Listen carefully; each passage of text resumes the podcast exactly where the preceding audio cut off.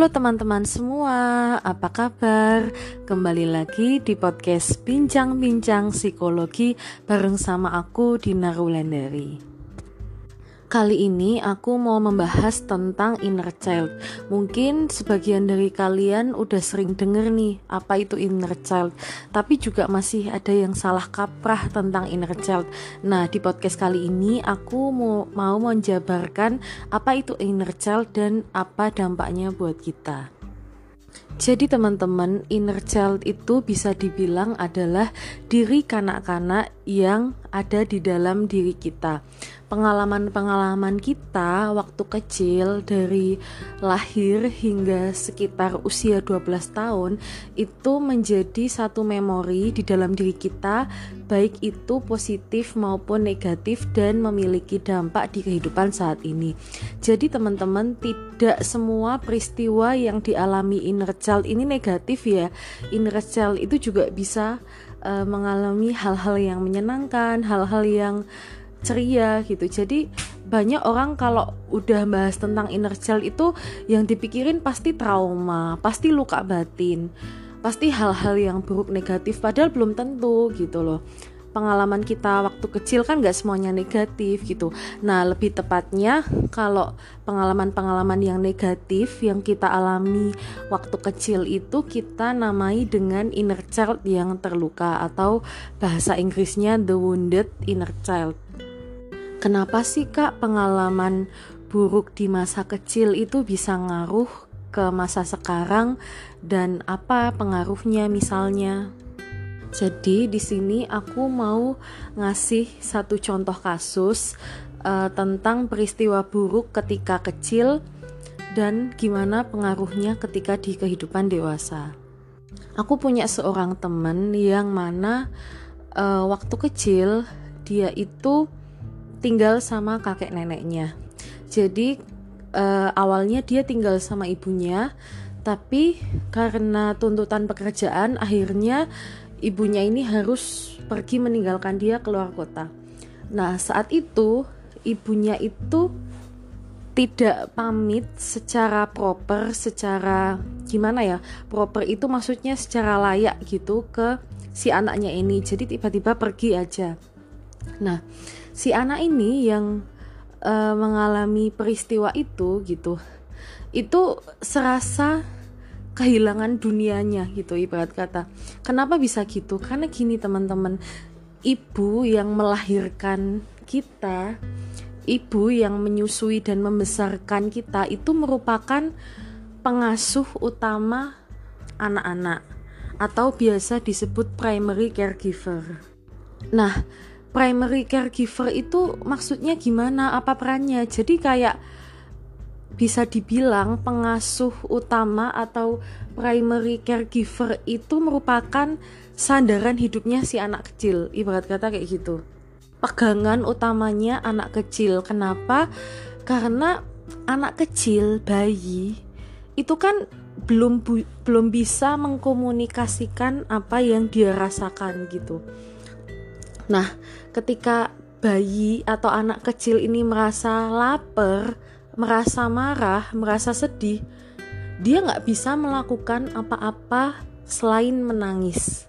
Nah, primary caregiver atau ibu ini harus pinter-pinter menerjemahkan apa yang dimaksud anaknya gitu. Apakah anaknya itu nangis karena marah, sedih atau karena lapar gitu.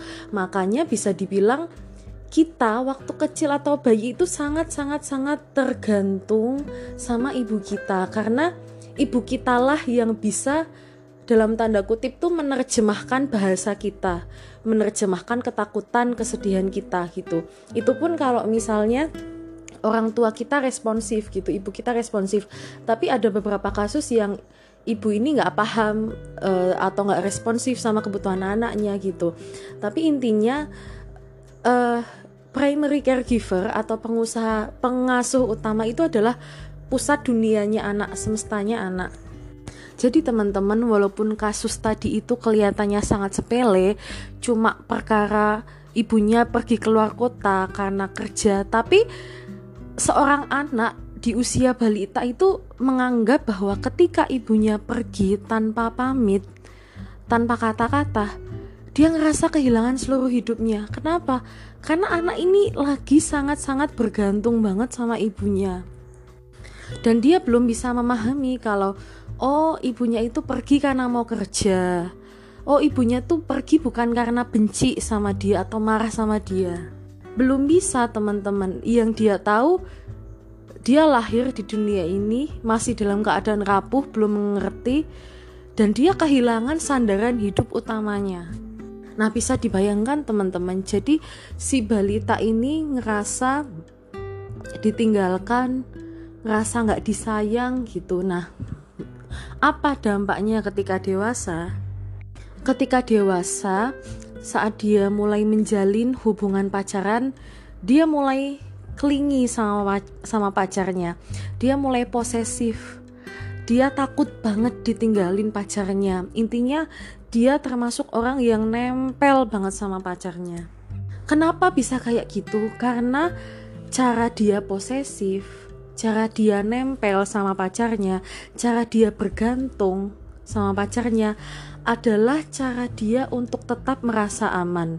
Adalah cara dia untuk melindungi dirinya dari rasa sakit hati yang dulu pernah dia rasakan. Waktu kecil dalam memorinya dia dia merasakan sakitnya ditinggal mamanya tanpa pamit. Dan ketika dewasa dia nggak mau kalau pacarnya melakukan hal yang sama. Makanya dia berusaha menggenggam erat pacarnya supaya nggak pergi nggak ke mana-mana sama dia terus. Nah itu teman-teman contoh uh, kasus dari peristiwa traumatis di masa kecil yang belum dihealing dan dampaknya di masa dewasa ketika hal itu juga belum dihealing. Jadi dampaknya itu bisa macam-macam tergantung peristiwanya apa tiap orang beda. Dan kalau kalian itu kesulitan untuk menggalinya, aku sarankan kalian konsultasi ke psikolog, konseling kalau misal teman-teman merasa ada nih peristiwa di masa kecil yang masih keingetan terus dan itu peristiwanya negatif mengganggu konsul aja. Atau ada perilaku-perilaku di masa dewasa yang mungkin bagi orang lain itu perilakunya nggak wajar gitu. Misal kayak tadi orang tadi yang posesif banget sama pacarnya dan orang lain mulai keganggu jangan segan untuk konseling konsultasi ke psikolog teman-teman. Sebenarnya kenapa sih uh, anak kecil itu juga bisa terluka atau bisa sakit hati. Karena gini teman-teman anak kecil itu belum bisa memahami emosi yang terjadi di dirinya. Jadi anak kecil tuh untung-untungan.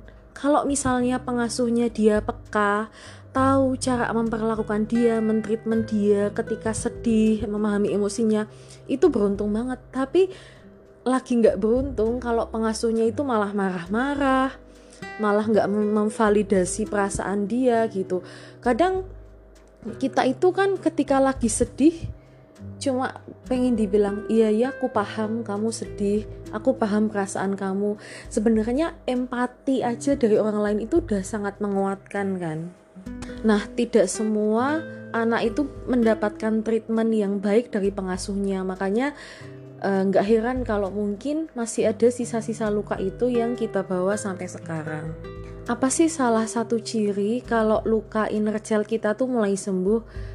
Gejala-gejala yang ditimbulkan udah mulai berkurang, misal kayak kasus tadi, udah mulai nggak terlalu posesif lagi sama pacar, udah nggak terlalu pengen nempel lagi, dia mulai punya aktivitas sendiri, kehidupan sendiri, gitu teman, gitu teman-teman. Jadi ketika ketika kita mampu menghealing uh, inner child kita, biasanya eh, gejala-gejala uh, yang ditimbulkan waktu dewasa itu juga mulai mereda gitu.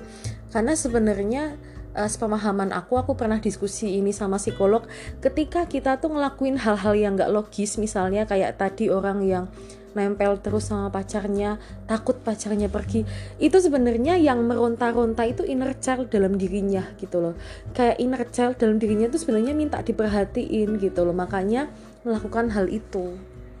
Dan sebenarnya yang bisa ngobatin, bisa nenangin itu diri sendiri.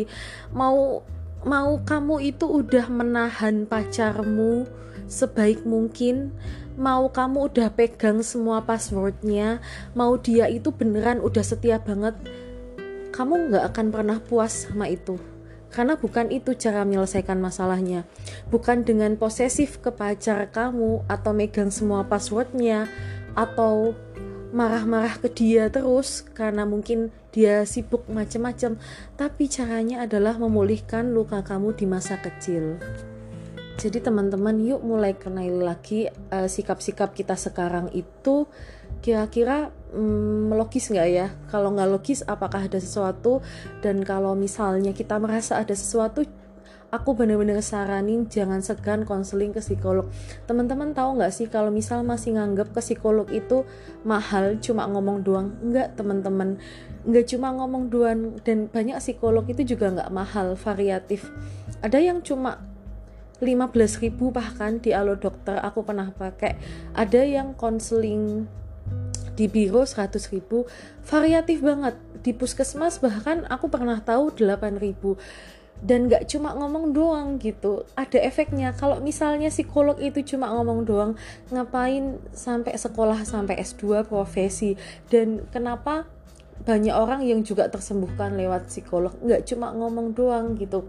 Untuk tahu kalian juga mesti nyoba sendiri dulu. Dan banyak yang masih nganggap kalau ke psikolog tuh berarti nggak nggak apa nggak normal gila.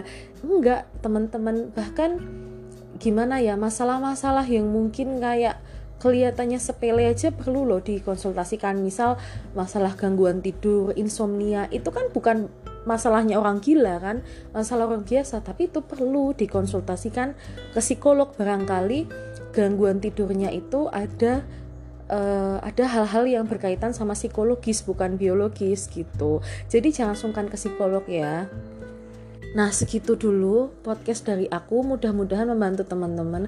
Kalau masih ada yang mau ditanyain, boleh banget DM aku di Instagram @dinarulandari atau @bincang-bincang psikologi. Ditunggu komentar, masukan dan pertanyaannya. See ya.